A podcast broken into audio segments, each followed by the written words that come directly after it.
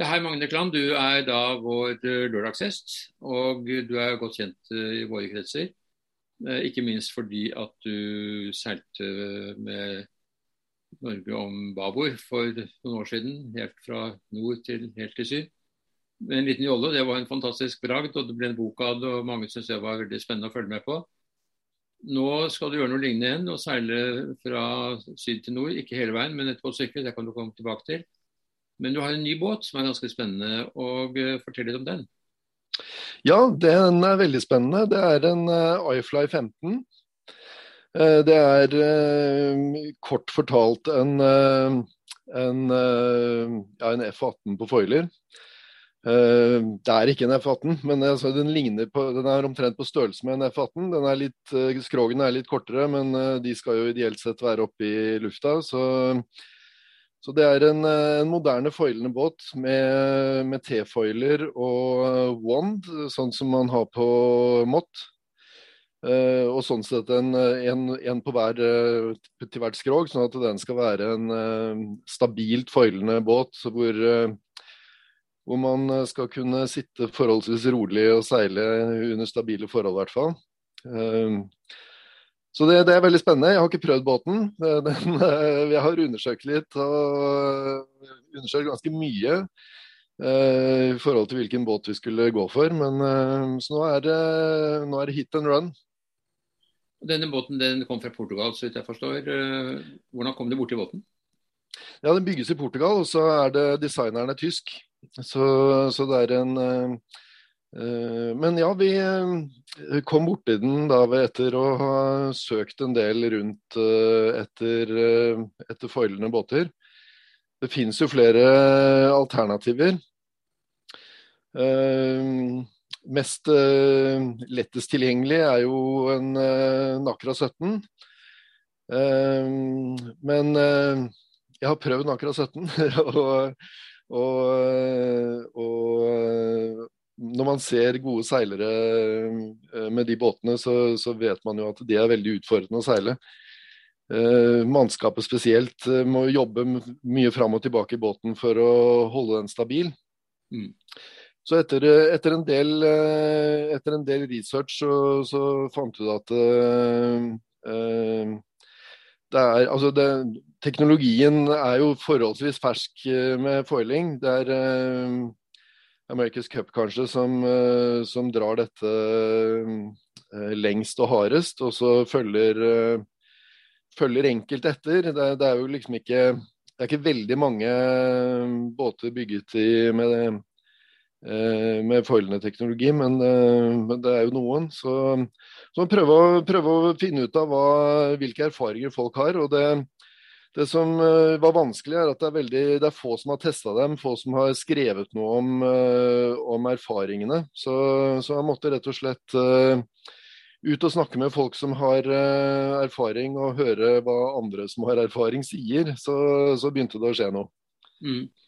Men et par ting. Det ene er jo at denne turen skal du ikke gjøre alene, men du skal ha med deg en makker.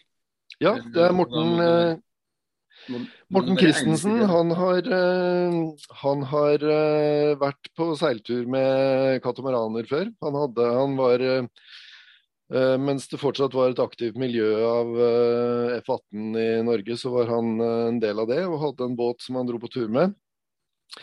Og røpet for meg underveis på jeg, jeg, møtte han faktisk i Bergsfjord under Norge om babord i 2018. Og da eh, var han litt eh, eh, da, da, snakket han om at han hadde hatt lyst til å gjøre noe lignende. og lufta, lufta både da og etterpå at jeg måtte si fra hvis jeg hadde lyst til å dra på tur igjen. Mm. og, og, sammen med han.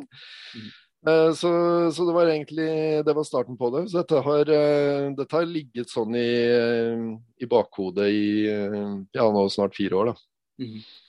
La oss gå litt tilbake til båten. og skal vi snakke mer om Morten og om turen etterpå. Men uh, den båten er også bygget av spesielt materiale. Det er ikke en vanlig glassfiberbåt? Nei, det er ikke det. Uh, vanligvis så er dette altså dette er en veldig lett båt. Uh, den, veier, den veier normalt 85 kilo. Eh, og en, eh, altså under det halve av en F-18. Den bygges da vanligvis i, i karbon.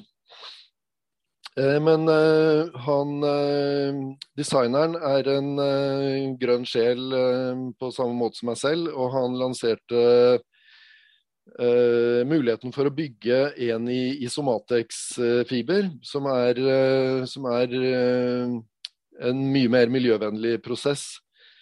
Mye mindre energi som kreves for å lage somatexfiber enn en karbonfiber. Det er, det er, fiber som blir utvunnet fra, fra lavastein.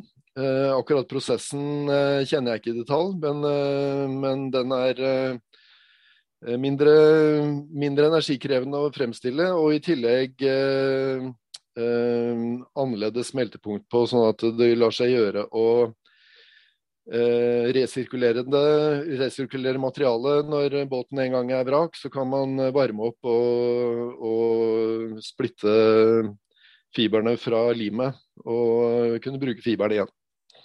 Ja, Det er jo et uh, viktig poeng akkurat dette her, selvfølgelig. Det er jo det. Dette er jo en lett og en liten båt, og det er en liten ting i den store sammenhengen. Men, uh, men tenker at det, det er en, eh, en, bra ting for båtbransjen å, å bli mer bevisste på, på disse tingene. Mm. Dette er jo ikke en båt som du kommer til å seile regatta med i Oslofjorden, for det kommer sikkert ikke mange flere av den. Så det er en spesiell ekspedisjonsbåt, kan man jo si da. Uh, ja, det er, ja, det er det. Er det. det er i det er klart, Skulle man seilt regatta, så, så, er det nok litt risikabelt å, å, bygge en i Somatex i og med at de andre er i karbon. Eh, det er, eh, det er et lett materiale, det også. Lett og sterkt materiale, men ikke fullt så sprøtt og stumt som karbon. Så, så den mulige at performance vil være litt dårligere enn eh, karbon. Til gjengjeld vil den tåle litt mer slag og støt. Så typen treffe en stein når man er på vei inn på stranda og sånn, vil den tåle noe bedre.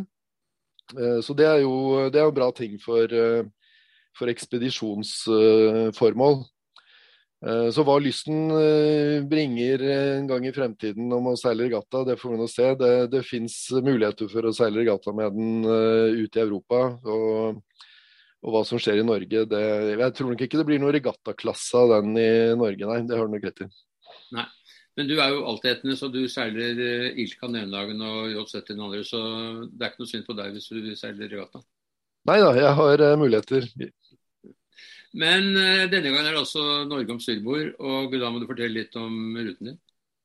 Ja, planen er å, å dra i slutten av juli og dra fra Bergen. Uh, seile jekte, jekteleia motsatt retning fra Bergen til uh, Lofoten. Uh, har sett av tre uker, så fram til midten av august omtrent. Det er planen. Og så, er det ikke sånn at vi må rekke noe vi, vi, setter av den tiden vi har, og skulle vi, skulle vi, komme til Lofoten litt før tida, så, så, fortsetter vi så langt vi kommer. Og kommer vi ikke fram, så, så blir det tilsvarende. Det, det, er, det, er, turen er målet, og, og eh, ambisjonen er å, å få, få, noen fine dager eh, i, eh, i uh, flott natur. Mm. Men denne båten er åpenbart veldig vektsensitiv. Det betyr at du må gjøre beinharde prioriteringer. og Hva er det du kan tillate deg å ha med på en sånn tur? Nei, egentlig ingenting. det, er, det blir På, på Norge og Babord så hadde jeg vel så hadde jeg med 30 kg. Og halvparten av det var fotoutstyr så, og, og, datamaskin og sånn, så jeg må nok Jeg kommer til å redusere litt på det tekniske utstyret denne gangen, tror jeg. Uh, og klær og sånn blir jo i praksis ingenting. Uh, litt mat må vi ha, og et telt og en sovepose. Men det blir, det blir, absolutt minimum. Og så blir det å, å bære i land båten på sandstrender og, og ja, leve villmarksliv langs kysten. Ja. Blir det praktisk med forholdene og sånn når du skal på land? Det er ikke så lett, kanskje?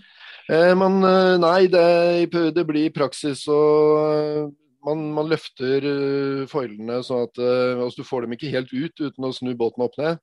Så man løfter dem helt oppunder skroget, og så har man så dekker man, altså har man uh, trekk eller polstring da, som man trer rundt. Og så, så, må man, så må man bære den forsiktig i land, rett og slett. Uh, vi, man, man, kan jo ha en sånn strandtralle, men jeg tror den også blir for tung å ha med. Så vi, det blir vel å ha med et par eh, fendere og trille og bruke som litt støtte for å, for å bære, dra, rulle båten opp.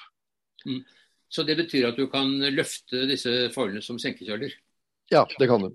Ja, da, så løfter dem helt oppunder eh, opp under skroget. Det er klart de er, eh, de er, sårbare. Du vil helst ikke altså Et lite hakk i den foilen, så, så rister jo hele båten. Så så det er viktig å ikke få noe Det er viktig å være forsiktig med de. Hva slags toppfart kan du få på en sånn båt? Ja, si det. det. Jeg tror i praksis så, så kommer man ikke over eh, 30 knop, men jeg tror man, man, Eller jeg vet man kommer ganske lett opp i 25. Eh, så eh, Men det er, det er også altså Når man er på, på langtur med dette her, så så seiler man ikke i liten kuling. Enkelt og greit. Nei, men hvor mye skal til for at den løfter seg på foldene? Ja, tre-fire sekundmeter. I hvert fall med, med to feite karer og, og, og litt bagasje. Så uh, det, det, er jo en båt som kan seile seg én eller to. Uh, så vi er allerede med to uh, på 80 kg, litt over idealvekt. Så, men, men jeg har snakket med folk med erfaring med dette her. og det, altså det, eh, det er liksom en, eh, en, knop eller to med vind eh, fra eller til som gjør om du foiler eller, eller ikke hvis du ligger helt i grenseland. Og, og noen kilo vekt om mor der eh, vil gjøre det litt vanskelig å komme opp. Men, eh, men, eh, får du den ene knopen ekstra, så kommer du opp. Og da, da når du først kommer opp, så er ikke, så er ikke forskjellen så stor med litt mer vekt om bord. Men det er akkurat den terskelen på å komme opp på foilene som er eh, forskjellen. da. Du har sikkert uh, sjekket hva som er typisk vindforhold på den tiden av året. Hva sier uh, meteorologen om det? Ja, Det er jo mer Det, det sjekka jeg ganske grundig før forrige tur. og Eh, det er, eh, langs hele norskekysten så er det jo mer eh, sydvest enn nordvest. Bortsett fra på våren. Sånn i mai-juni så er det omtrent like mye nordavind og, og sønnavind. Så, så, i august-september så så er det Husker ikke akkurat hvor mye mer, men si det er to tredjedeler av dagene med, med sørlig vind. Og akkurat hvor mye det er, det, det, vet vi jo at varierer. Så i løpet av tre uker så klart vi kommer til å få dager med for mye vind. Og vi, ikke minst vi kommer til å få dager med vindstille.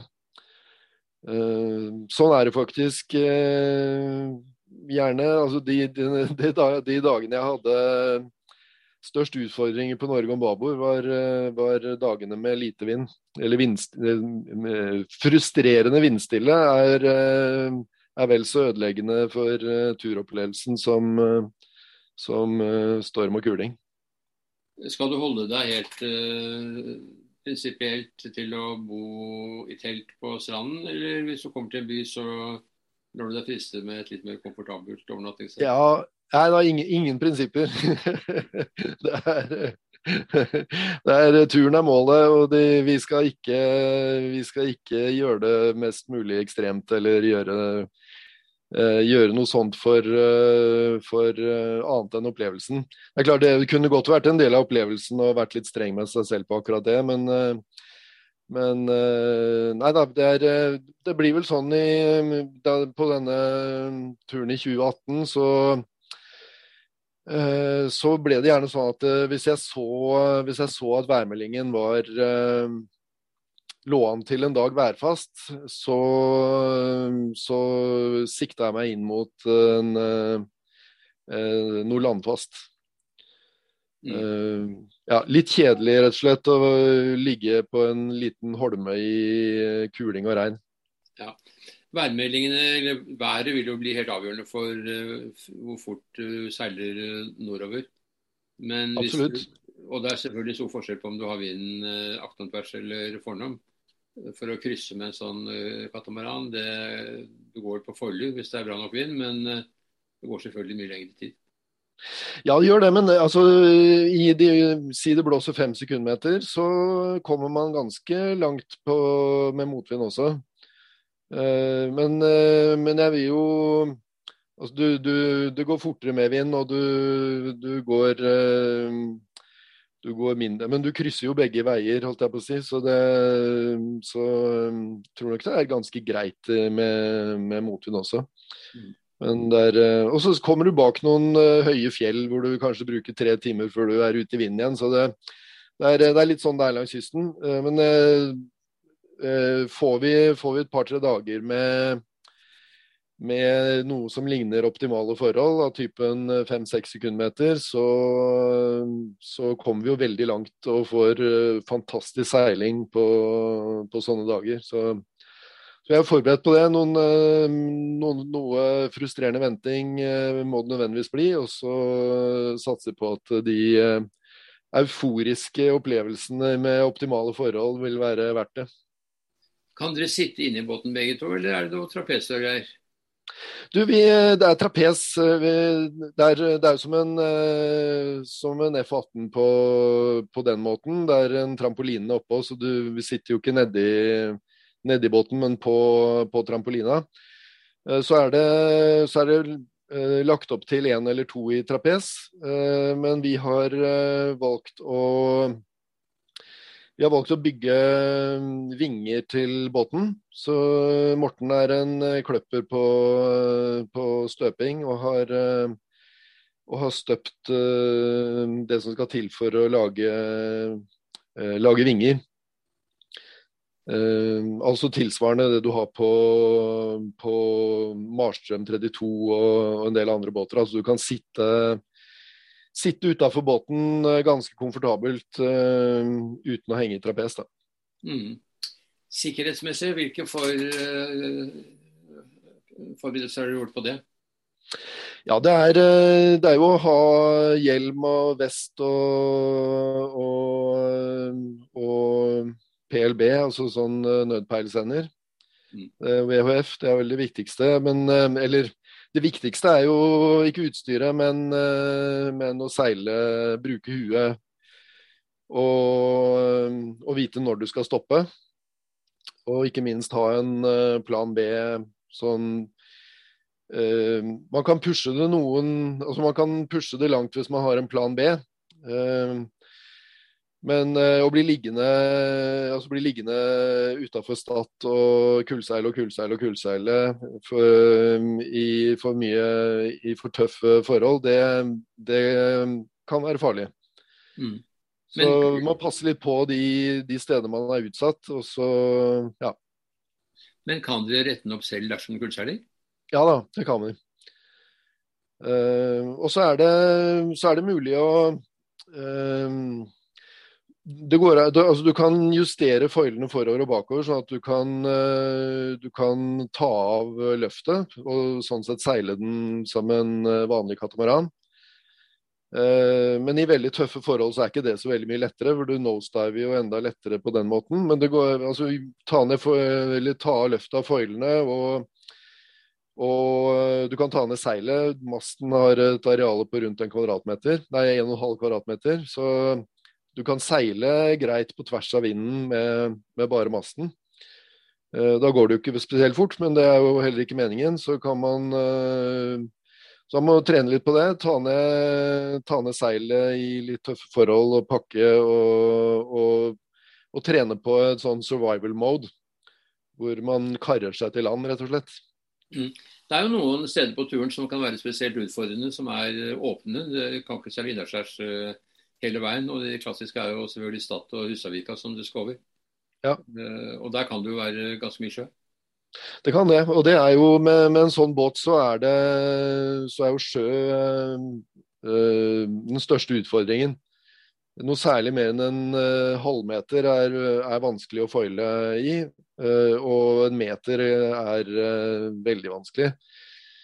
Uh, de stedene så kan det jo fort bli både to og tre meter. Så vi må, må rett og slett uh, passere de uh, punktene på dager hvor det er Ja, døn, dønninger er nok litt annerledes, men man må rett og slett lære båten å kjenne og se den litt. Og så må man passere de stedene på, på dager hvor det, seg, hvor det er seilbart. Mm. Kan våre lesere og seere gjøre seg forhåpninger om å få se noe av dette underveis? Ja, jeg tror da det. Vi, vi, er jo, eller i hvert fall jeg, er jo ivrig på å publisere. Eh, det, så det er jo morsomt å, morsomt å formidle store opplevelser. Eh, så hvordan, om det blir noen ny bok av dette, eller, eller, eh, eller hva det blir, er ikke helt klart ennå. Men noe blir det. Og sånn underveis så blir det vel en sånn GPS-tracker om bord, sånn at det er, vil være mulig å følge, se hvor vi er igjen på en nettside. Og så eh, sender vi vel inn noen bilder til Seilmagasinet når vi har eh, noen bilder å komme med og, noen, eh, og tid til å bearbeide litt.